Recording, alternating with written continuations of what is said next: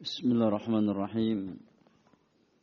السلام عليكم ورحمة الله وبركاته. الحمد لله رب العالمين. حمدا كثيرا طيبا مباركا فيه. كما يحب ربنا ويرضاه. والصلاة والسلام على أشرف المرسلين. المبعوث رحمة للعالمين. وحجة على الخلائق أجمعين. نبينا محمد وآله وصحبه أجمعين. ومن تبعهم بإحسان إلى يوم الدين. وسلم تسليما كثيرا. فإن أصدق الحديث كتاب الله. وخير الهدي هدي محمد صلى الله عليه وسلم.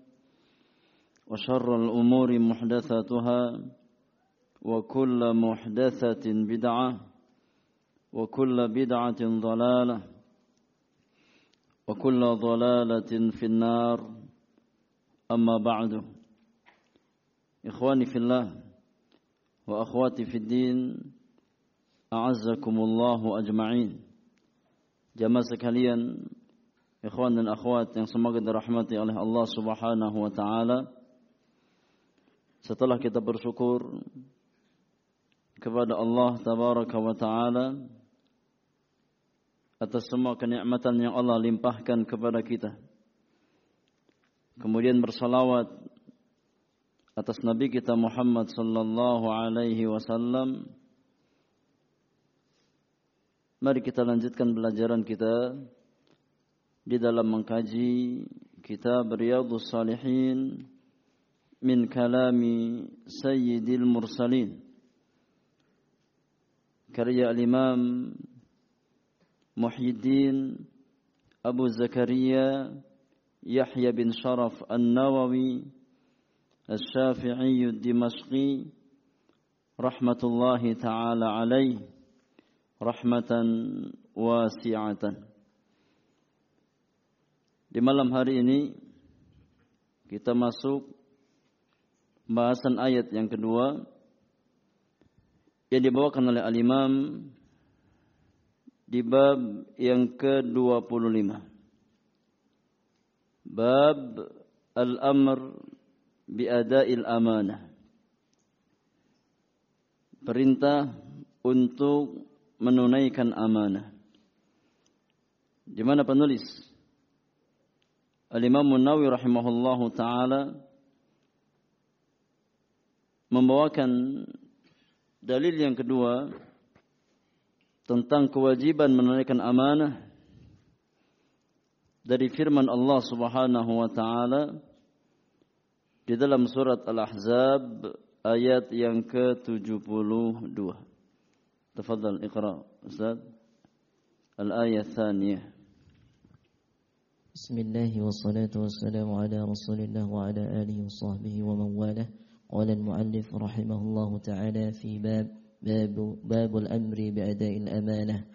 وقال تعالى إنا أردنا الأمانة على السماوات والأرض والجبال فأبين أن يحملنها وأشفقن منها وحملها الإنسان إنه كان ظلوما جهولا.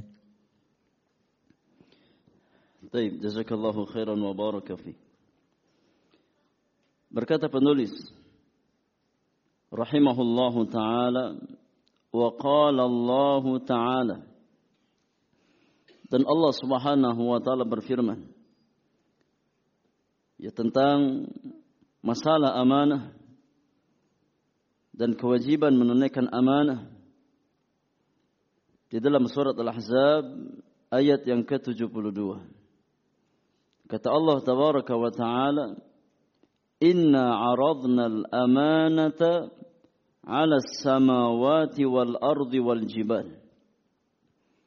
Sesungguhnya kami telah menawarkan amanah kepada langit, bumi dan gunung. Kami telah menawarkan amanah kepada langit, bumi dan gunung.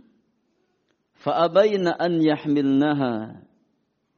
Namun mereka semua enggan untuk mengemban amanah tersebut. Mereka enggan untuk memikul amanah tersebut. Wa asfaqna minha. Mereka merasa khawatir. Ya kalau seandainya mereka tidak mampu menunaikan amanah tersebut. Jadi langit, bumi dan gunung tatkala mereka menolak amanah dari Allah Subhanahu wa taala Ya bukan karena mereka hendak memaksiati Allah Subhanahu wa taala. Tapi karena mereka tahu diri ya bahwasannya khawatir kalau seandainya amanah tersebut diembankan kepada mereka maka mereka tidak sanggup untuk memikulnya. Maka mereka lebih memilih untuk yakni senantiasa tunduk dan taat kepada Allah Subhanahu wa taala senantiasa mendengarkan apa yang Allah perintahkan kepada mereka dan enggan untuk memikul amanah dengan segala konsekuensinya. Maka langit, bumi dan gunung yakni enggan untuk memikul amanah. Wa hamalaha insan dan amanah tersebut dipikul oleh manusia. Innahu kana zaluman jahula. Ya sungguh manusia itu sangat zalim dan sangat jahil, sangat bodoh. Apa mana ayat yang mulia ini jemaah yang Allah muliakan? Mari kita simak penjelasan para ulama kita tatkala menafsirkan ayat di atas. Al-Imam Al-Hafidh Ibnu Katsir rahimahullahu taala menukilkan beberapa akwal as-salafus salih di dalam menafsirkan ayat di atas. Di antaranya beliau menukilkan penafsiran Abdullah bin Abbas radhiyallahu taala anhuma yang dinukilkan oleh al-Imam Al-Aufi dari sahabat yang mulia Abdullah bin Abbas radhiyallahu anhuma beliau berkata yakni bil amanati at-ta'ah.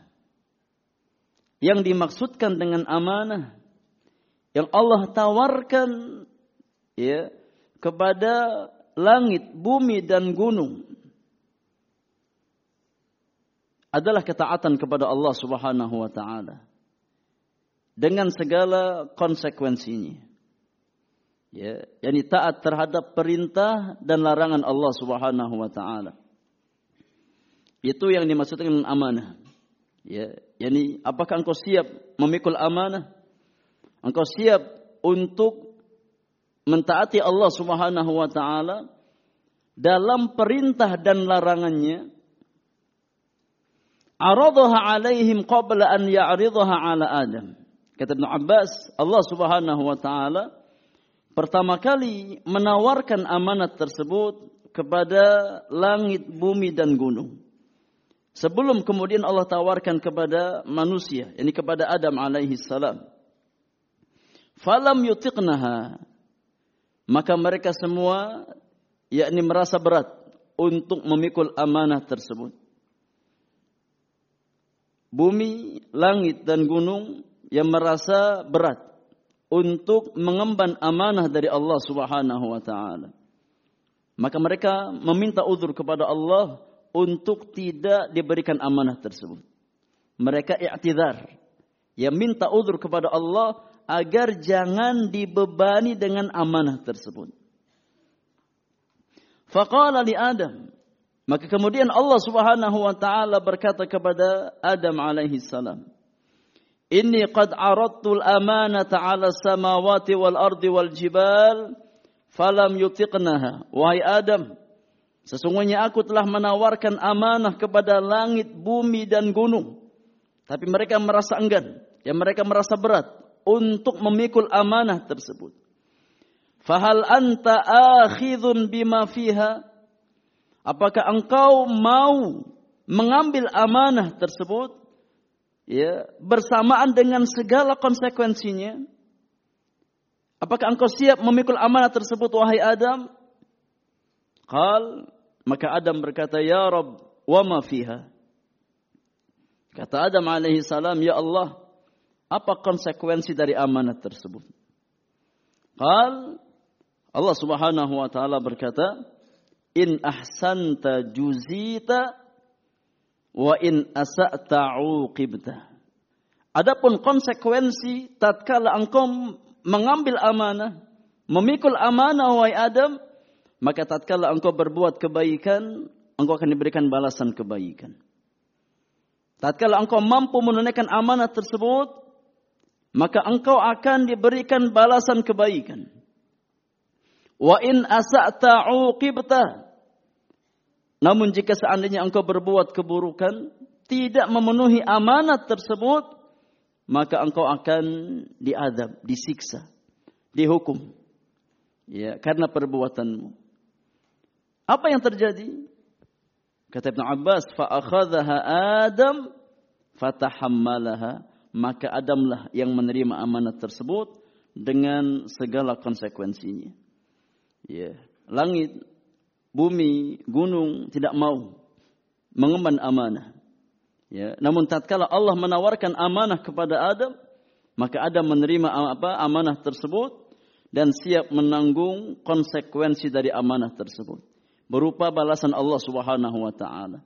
Imma ya ganjaran kebaikan, imma siksa dan hukuman Allah Subhanahu wa taala itu konsekuensi dari amanah. Ya, konsekuensi dari amanah.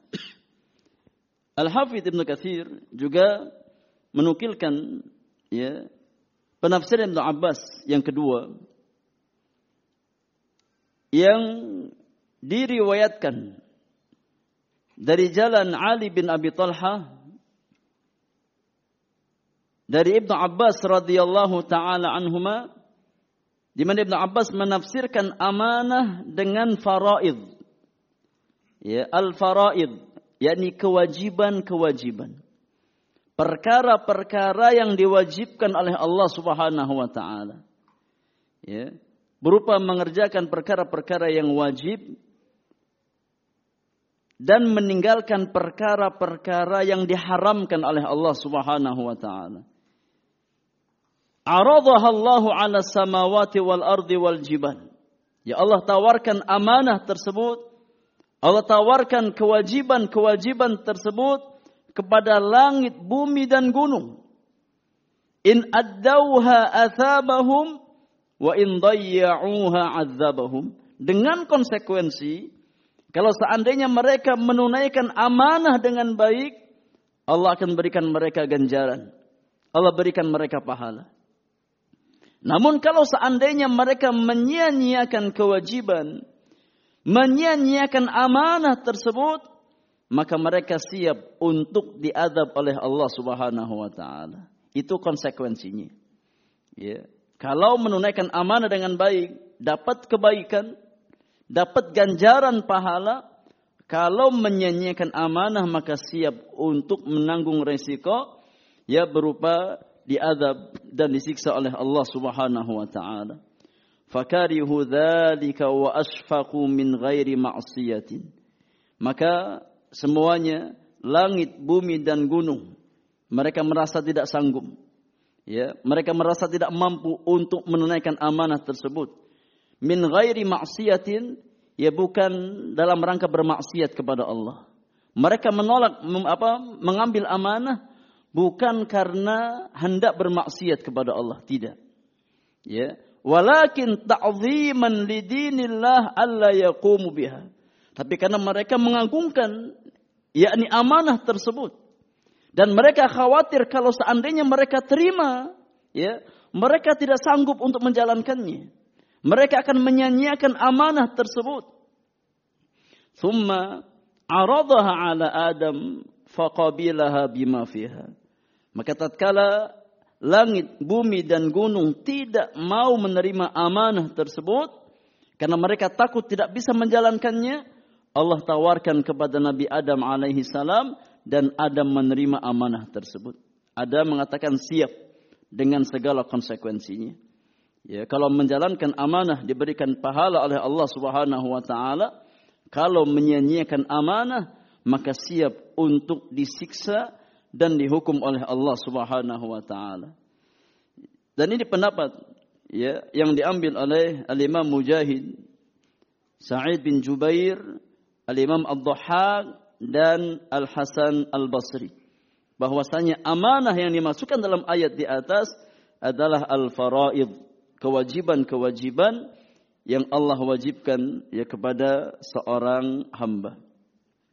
Kemudian pendapat yang lain Ya antara pendapat para salaf dalam menafsirkan amanah.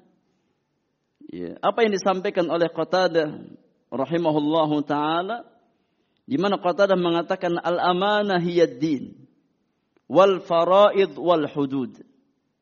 Yang dimaksudkan dengan amanah kata Qatadah rahimahullah adalah agama. Ya.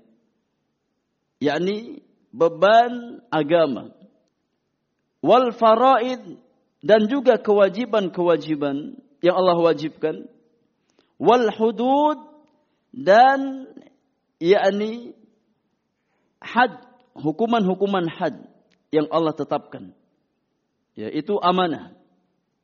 Itu amanah yang Allah maksudkan pada ayat di atas. Ini penafsiran Qatadah rahimahullahu taala Penafsiran yang keempat di antara penafsiran para ulama tatkala menafsirkan ya, amanah apa yang disampaikan oleh Zaid bin Aslam.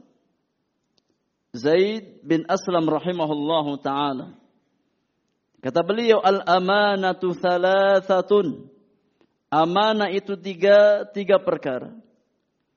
As-salatu was-saumu wal-ightisalu minal janabah. Ya, amanah itu tiga. Yang pertama salat, yang kedua puasa, yang ketiga adalah mandi janabah. Nah, ini penafsiran Zaid bin Aslam. Kemudian Al-Imam Al-Hafidh Ibnu Kathir rahimahullahu taala setelah membawakan tafsir para salaf dalam menafsirkan makna amanah pada ayat di atas, beliau berkata, Ya setelah beliau bawakan tafsir-tafsir para ulama, tafsirnya Ibnu Abbas, ya, tafsirnya yakni Qatadah, Zaid bin Aslam dan yang lainnya, Al-Hafidh mengatakan, "Kullu hadhihi al-aqwal la tanafiya bainaha." Ya, ini semua penafsiran di atas tidak menafikan satu sama lain. Ya tidak bertentangan satu sama lain. Bal hiya muttafiqatun. Ya kalau kita perhatikan semua tafsir di atas itu hakikatnya sama. Ya, intinya sama. Waraji'atun ila annaha taklif. Ya, semuanya bermuara bahwasannya yang dimaksudkan dengan amanah yang Allah bebankan ya kepada manusia yang enggan diterima oleh langit, bumi dan gunung ya maka muara amanah tersebut adalah beban taklif. Ini taklif syariat. Itulah yang dimaksud dengan amanah. Ya. Yang langit, bumi dan gunung enggan untuk menerimanya. Kemudian diterima oleh Adam alaihi salam, amanah tersebut ya bermuara kepada beban taklif syariat wa qabulul awamir wan nawahi bi syartiha yakni amanah tersebut adalah siap menerima perintah dan larangan Allah Subhanahu wa taala. Amanah tersebut adalah siap untuk diperintah dan dilarang oleh Allah Subhanahu wa taala dengan konsekuensinya. Ya, dengan semua konsekuensinya. Apa konsekuensinya? Kata beliau wa huwa annahu idza qama bidzalika uthiba wa in tarakaha uqiba.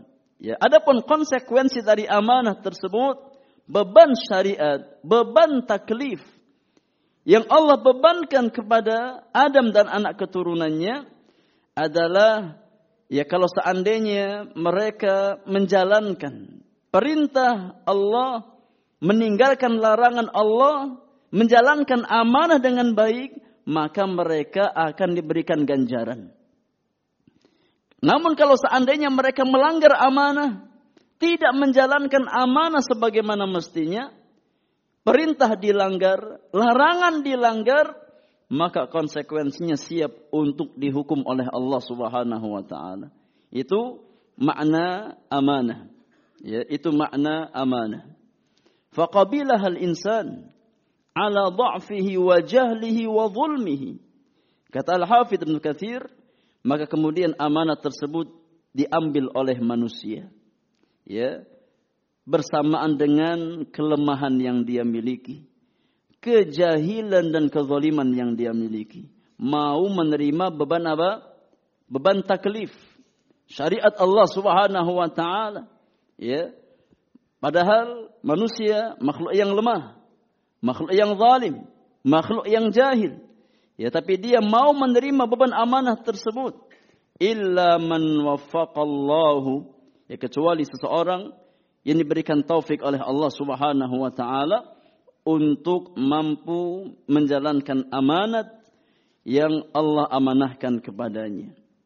Jadi itu yang dimaksud dengan amanah. Jadi inti amanah yang Allah tawarkan adalah taklif syariat. Ya, dengan segala konsekuensinya. Imma pahala, imma siksa. Siap engkau menerimanya wahai Adam? Kata Adam siap. Ya saya siap menerima konsekuensi dari amanah tersebut. Padahal tatkala ditawarkan kepada gunung, ya gunung enggan, merasa khawatir. Tatkala ditawarkan kepada langit, kepada bumi, semuanya enggan. Ya merasa khawatir kalau seandainya tidak bisa memikul amanah tersebut. Ya.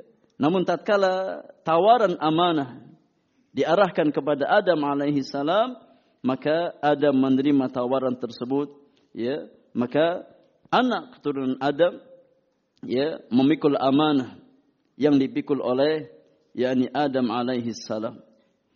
Wallahu alam. Ini makna dari uh, firman Allah Subhanahu wa taala di dalam surat Al-Ahzab ayat yang ke-72. Wallahu a'lam. Baik, kita masuk hadis yang pertama yang dibawakan oleh Al-Imam di bab yang ke-25 itu hadis Abu Hurairah radhiyallahu taala anhu wa. Silakan dibaca al-hadis al-awwal. Al-hadis al-awwal. وعن أبي هريرة رضي الله عنه أن رسول الله صلى الله عليه وسلم قال آية المنافق ثلاث إذا حدث كذب وإذا وعد أخلف وإذا اؤتمن خان. متفق عليه. وفي رواية وإن صام وصلى وزعم أنه مسلم. طيب جزاك الله خيرا وبارك فيك. Hadis yang pertama dari empat hadis yang dibawakan oleh Al-Imam di bab yang ke-25. Al-Imam membawakan hadis yang dikeluarkan oleh Al-Imam Al-Bukhari dan Muslim. Adapun Al-Imam Al-Bukhari beliau bawakan hadis ini di dalam sahihnya di dalam Kitabul Iman bab alamatul munafiq hadis nomor 33 di dalam kitab Sahihul Bukhari. Sedangkan murid beliau Imam Muslim membawakan hadis ini di dalam sahihnya di dalam Kitabul Iman babu bayani khisalil munafiq ya bab penjelasan sifat-sifat orang munafik hadis nomor 59 di dalam kitab Sahih Muslim Kata penulis an Abi Hurairah radhiyallahu anhu. Dari Abu Hurairah radhiyallahu anhu, Abdurrahman bin Sakhrin, anna Rasulullah sallallahu alaihi wasallam qaal bahwasanya Rasulullah sallallahu alaihi wasallam bersabda Kata Nabi yang mulia ayatul munafiqi thalathun alamat atau tanda orang munafik itu ada tiga. Kata Nabi yang mulia, ya, tanda orang munafik itu ada tiga. Sifat orang munafik itu ada tiga. Ya. Ayat di sini artinya alamat kata para ulama, tanda. Ya. Yang pertama, idza haddatsa kadzaba. Di antara sifat dan karakter orang munafik, tatkala dia berbicara, maka dia berdusta.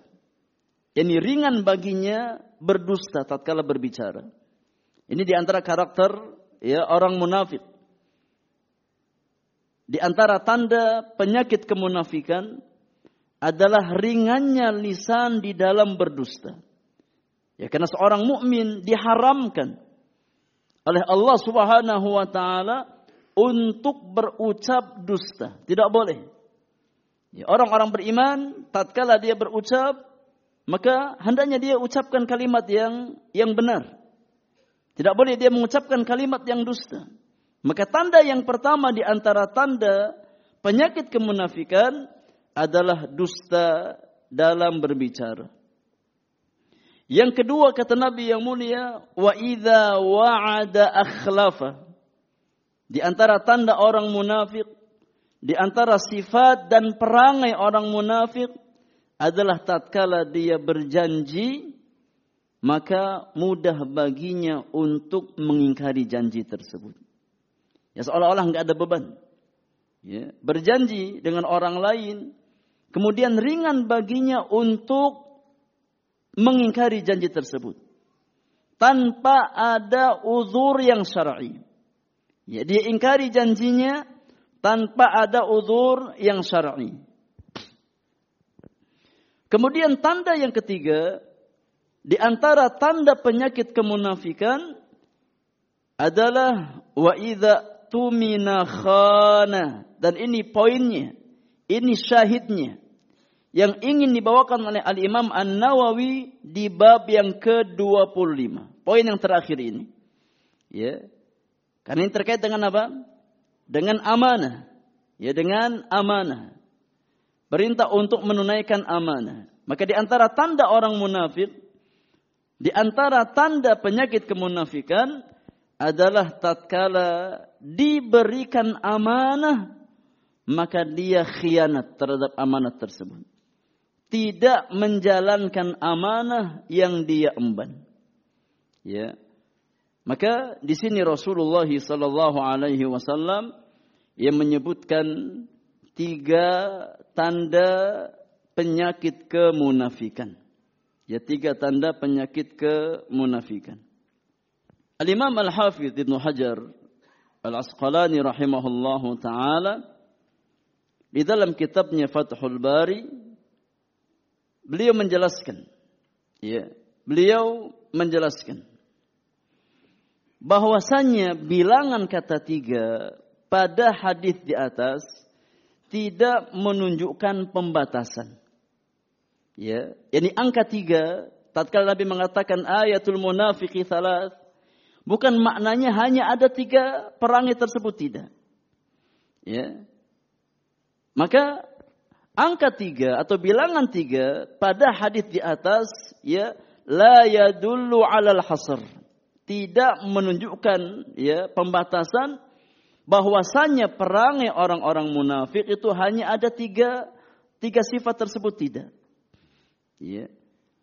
Di antara dalil yang menunjukkan bahwasannya angka tiga ya pada hadis tersebut bukanlah menunjukkan pembatasan adalah apa yang datang dalam riwayat yang lain. Dalam hadis Abu Hurairah juga yang dikeluarkan oleh Imam Muslim dari jalan Al-Ala bin Abdurrahman. Ya.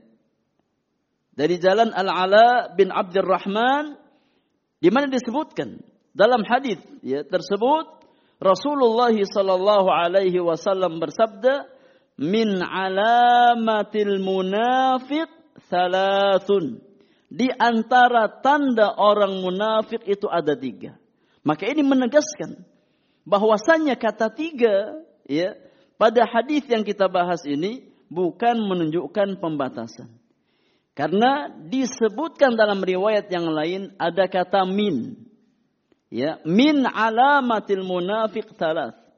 Apa bedanya jamaah? Ya. Tatkala kita mengatakan ayatul munafiq thalathun dengan min alamatil munafiq thalathun. Apa bedanya? Ya. Bedanya kalau dikatakan min alamah artinya di antara sebagian. Artinya tidak menunjukkan pembatasan. Ini ada alamat-alamat yang lain yang tidak disebutkan. Ya. Itu kalau kita katakan min, ya. Min alamatil munafiqi thalathun. Di antara tanda ya penyakit kemunafikan itu ada tiga. Artinya ada tanda-tanda yang lain yang tidak disebutkan. Ya. Oleh karenanya kata Al-Hafidh Ibn Hajar, yakni penyebutan angka tiga pada hadis di atas tidak menunjukkan pembatasan. Tapi kenapa hanya disebutkan tiga tanda ini? Apa rahasianya? Apa hikmahnya? Kenapa Nabi Shallallahu Alaihi Wasallam hanya menyebutkan tiga tanda tersebut? Nah, beliau menjelaskan, kata Al-Hafidz Ibnu Hajar rahimahullahu taala, "Wa wajhul iqtisari ala hadhihi al-alamat li'annaha munabbihatun ala ma 'adaha." Nabi sallallahu alaihi wasallam mencukupkan ya dalam menjelaskan perangai orang-orang munafik dengan tiga karakter di atas tatkala bicara ya ringan berdusta tatkala berjanji ringan diingkari, ya, tatkala diberikan amanah maka tidak menjalankannya, mengkhianati amanah tersebut. Kata Al-Hafidz Hajar rahimahullahu taala, yakni Nabi Shallallahu Alaihi Wasallam hanya menyebutkan tiga karakter orang munafik. Dalam hadisnya li'annaha munabbihatun ala ma'adaha karena cukup Ya, tiga sifat tersebut menunjukkan akan rusaknya sifat-sifat yang lain. Yang ada pada seseorang. Kalau seseorang ya tatkala dia berbicara tidak apa menjaga lisannya ya tidak berusaha untuk jujur dalam ucapannya tatkala dia berjanji mudah dia ingkari tatkala dia diberikan amanat ya dia berkhianat terhadap amanat tersebut ya maka tiga karakter tersebut yakni menunjukkan akan rusaknya sifat-sifat yang lain yang ada pada orang tersebut. Dalatun ala fasadi ma siwaha. Tiga karakter tersebut sudah cukup sebagai dalil akan rusaknya sifat-sifat yang lain pada orang tersebut. Maka Nabi hanya mencukupkan menyebutkan tiga sifat. Di antara sifat-sifat orang munafik. Ya, padahal kalau diperinci sangat banyak. Tapi cukup mewakili kerusakan mereka tiga karakter yang mereka miliki. Ya. Kata Al-Hafidh, "Id aslud diyanah munhasirun fi thalathin." Ya, karena asas kebaikan agama itu ada pada tiga perkara. Ya. Asas kebaikan ti apa agama seseorang itu kembali pada tiga perkara. Ya. Imma al-qaul, imma ucapan, imma al-fi'lu, imma perbuatan, imma niyah, maksud dan niat atau tujuan. Ya. Jadi semua perbuatan kita atau semua apa yang kita lakukan itu kembalinya kepada tiga perkara ini. Imma niat, imma ucapan, ima, amal perbuatan. Ya. Inilah yakni muara iman, inilah muara agama seseorang. Makanya para ulama tatkala menjelaskan tentang makna keimanan, tentang definisi iman, apa itu iman jamaah? Iman kembali kepada tiga perkara ini. Qaulun bil lisan, wa'tiqadun bil janan, wa amalun bil jawarihi wal arkan. Iman, iman niat. Imma ucapan, imma amal, perbuatan. Itu agama kita. Imma terkait dengan niat-niat kita. Imma terkait dengan ucapan-ucapan kita. Imma terkait dengan amal perbuatan kita. Tidak keluar dari tiga perkara tersebut. Ya. imma niat yang merupakan amalan hati, imma al-qaul yang merupakan amalan lisan, imma al-fi'lu yang merupakan amalan anggota badan. Ya, maka aslu diyanah kata Al-Hafidz Ibnu Hajar, ya, asal agama, inti agama itu kembali kepada tiga perkara. Imma qaul, ucapan, imma fi'al, amal perbuatan, imma niat, maksud dan tujuan. Fanabbaha ala fasadil qawli bil kadhib. Maka Nabi Shallallahu Alaihi Wasallam tatkala menjelaskan rusaknya agama orang munafik dari sisi ucapan dengan apa? Dengan dusta. Itu menunjukkan rusaknya agamanya. Di mana tatkala dia yakni berbicara dia dusta, maka rusak lisannya. Ya, dari sisi lisan rusak ya orang munafik itu. Yang kedua, wa ala fasadil fi'li bil khiyanah dan Nabi Shallallahu Alaihi Wasallam ya menjelaskan tentang rusaknya amalan orang munafik dengan khianat, dengan khianat. Ya tatkala diberikan amanah dia khianat. Ini menunjukkan ya rusaknya perbuatan mereka. Rusaknya amal mereka. Ya. Wa ala fasadin niyati bil khulfi atau bil khalfi Ya, dan Nabi Shallallahu Alaihi Wasallam menjelaskan akan rusaknya niat orang munafik dengan ingkar janji. Faham jamaah? Jadi Nabi Shallallahu Alaihi Wasallam menjelaskan tentang rusaknya lisan orang munafik dengan apa? Dengan dusta. Kalau bicara mereka suka berdusta. Nabi Shallallahu Alaihi Wasallam menjelaskan tentang rusaknya fiil atau perbuatan orang munafik dengan apa? Dengan khianat. Ya. Dan Nabi Shallallahu Alaihi Wasallam mengingatkan tentang rusaknya hati mereka, rusaknya niat mereka dengan apa? Dengan ingkar janji. Kenapa? Karena yang namanya ingkar janji, ya, tidak mungkin terjadi melainkan dengan niat. Ya, melainkan dengan dengan niat. Ya kata Al-Hafidh khulfa la yakunu illa ma'an. Saya bawakan secara maknanya. Karena orang itu mengingkari janji. Ya, tidak mungkin dia ingkar janji kecuali sudah ada niatan untuk mengingkari janji. Ya. Wa amma ma'al udhri as-syar'i fala yadkhul fi khisalin nifaq. Adapun tatkala seseorang tidak bisa menepati janjinya, Bukan karena faktor kesengajaan, tapi karena memang ada udur yang syar'i, maka tidak termasuk ke dalam karakter orang munafik. Faham jamaah? Jadi orang yang mengingkari janji, ya, itu ada dua kondisi. Yang pertama memang sudah diniatkan, sudah disengaja dari awal untuk tidak menepati janji. Inilah karakter orang munafik. Ya, yang Nabi maksudkan dalam hadis di atas. Ya karena seseorang tidak mungkin mengingkari janji ya kecuali tatkala ada unsur kesengajaan.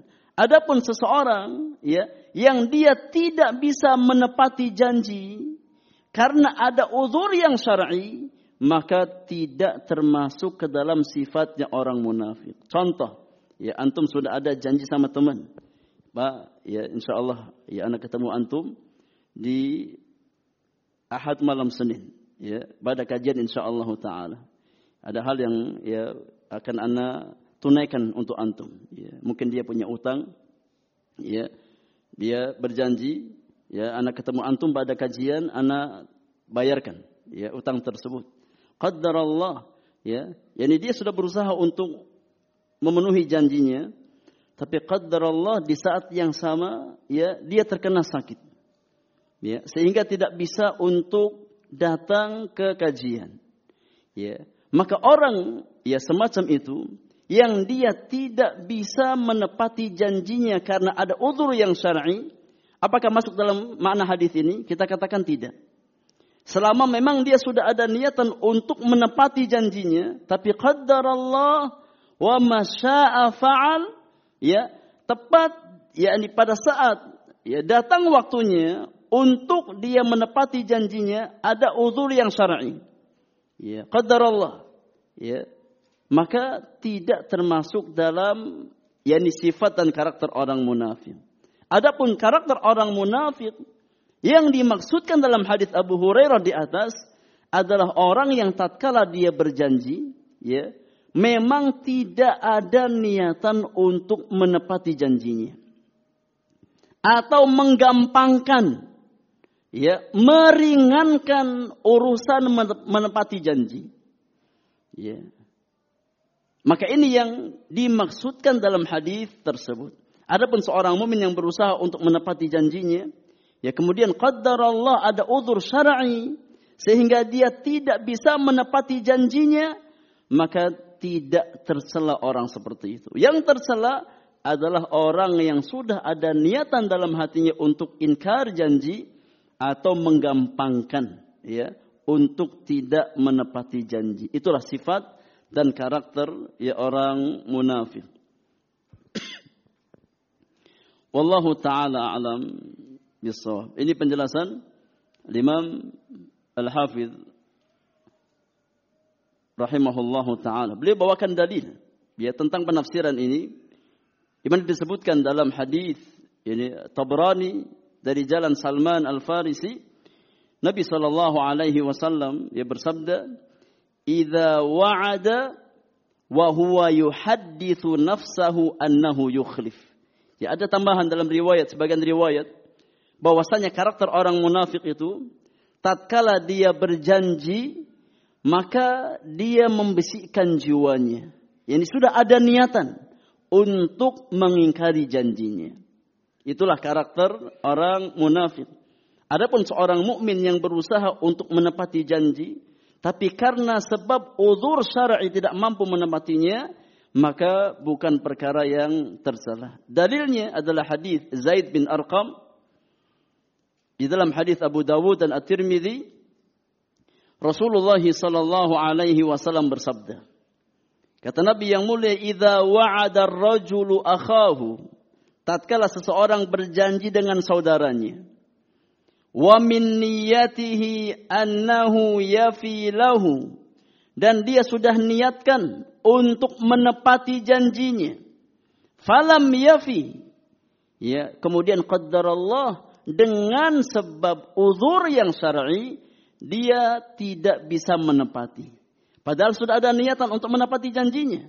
Ya tapi karena ada uzur syar'i dia terhalang dari menepati janjinya, fala ithma alaih kata Nabi, maka orang seperti itu tidak ada dosa baginya.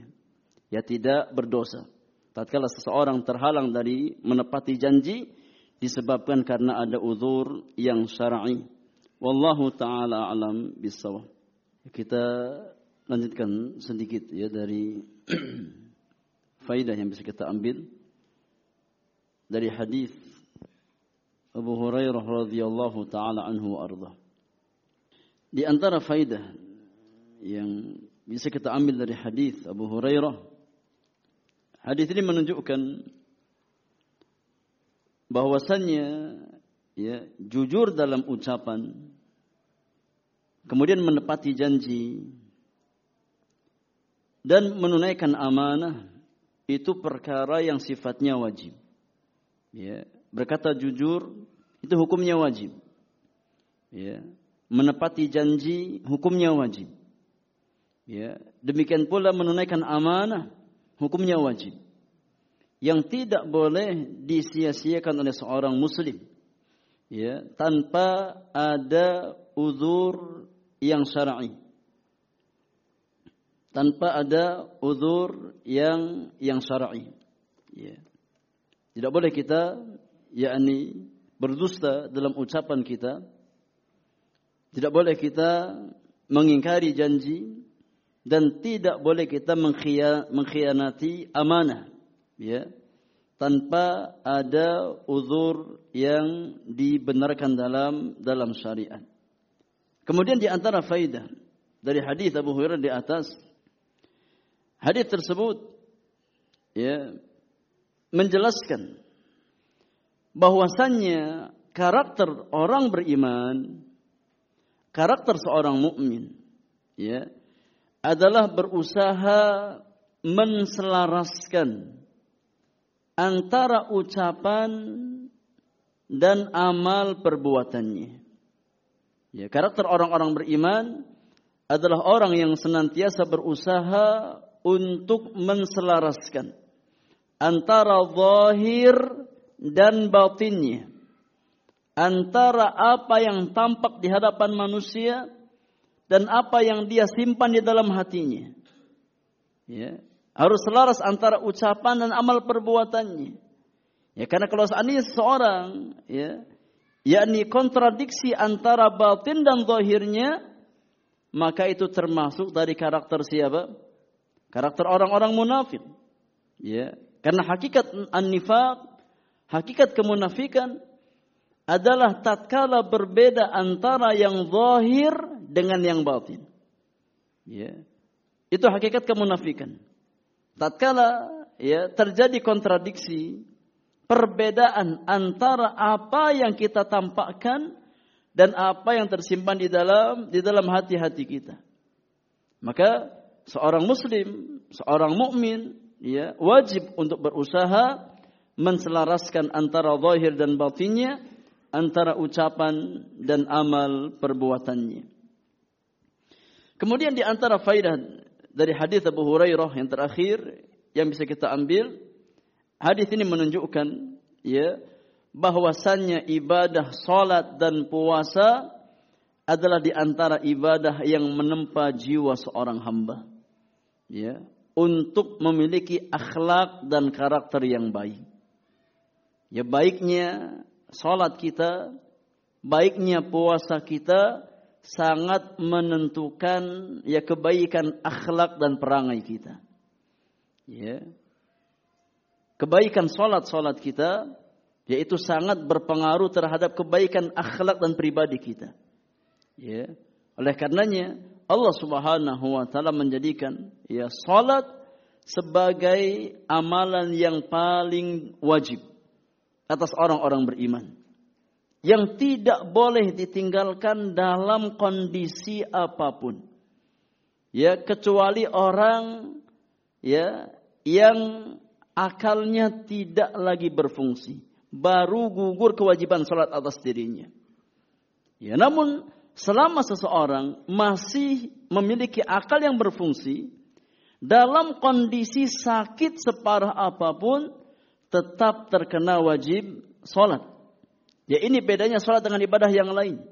Kalau ibadah yang lain gugur, ya dengan adanya ya sakit atau ya ini ketidaksanggupan seseorang, seperti zakat, ya seperti puasa, seperti haji, itu gugur tatkala seseorang nggak mampu.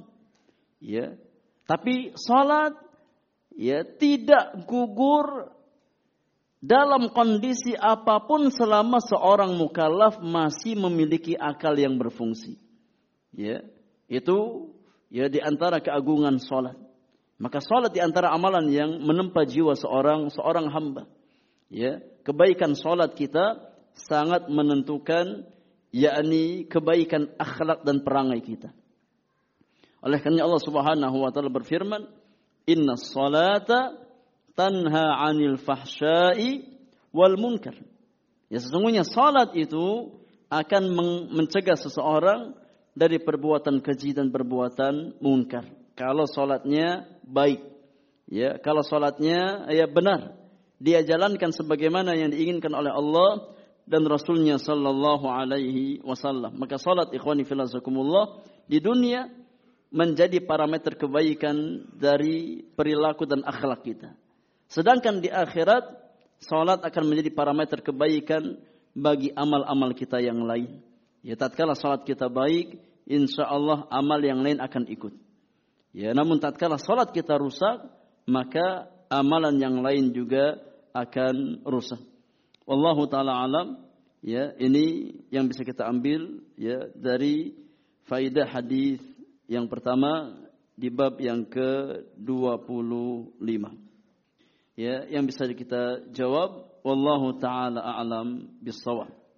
Mudah-mudahan Ya, apa yang kita bahas Allah jadikan sebagai ilmu yang bermanfaat untuk kita semuanya dan Allah Subhanahu wa taala menjauhkan kita dari sifat dan karakter orang-orang munafik dan semoga Allah Subhanahu wa taala senantiasa menselaraskan antara zahir dan batin kita, antara ucapan dan amal perbuatan kita. Wallahu taala alam bisawab. Wa sallallahu ala nabiyyina Muhammadin wa alihi wa sahbihi ajma'in. Wa akhiru da'wana alhamdulillahi rabbil alamin. Subhanakallahumma wa bihamdika asyhadu an la ilaha illa anta astaghfiruka wa atubu ilaik. Assalamualaikum warahmatullahi wabarakatuh.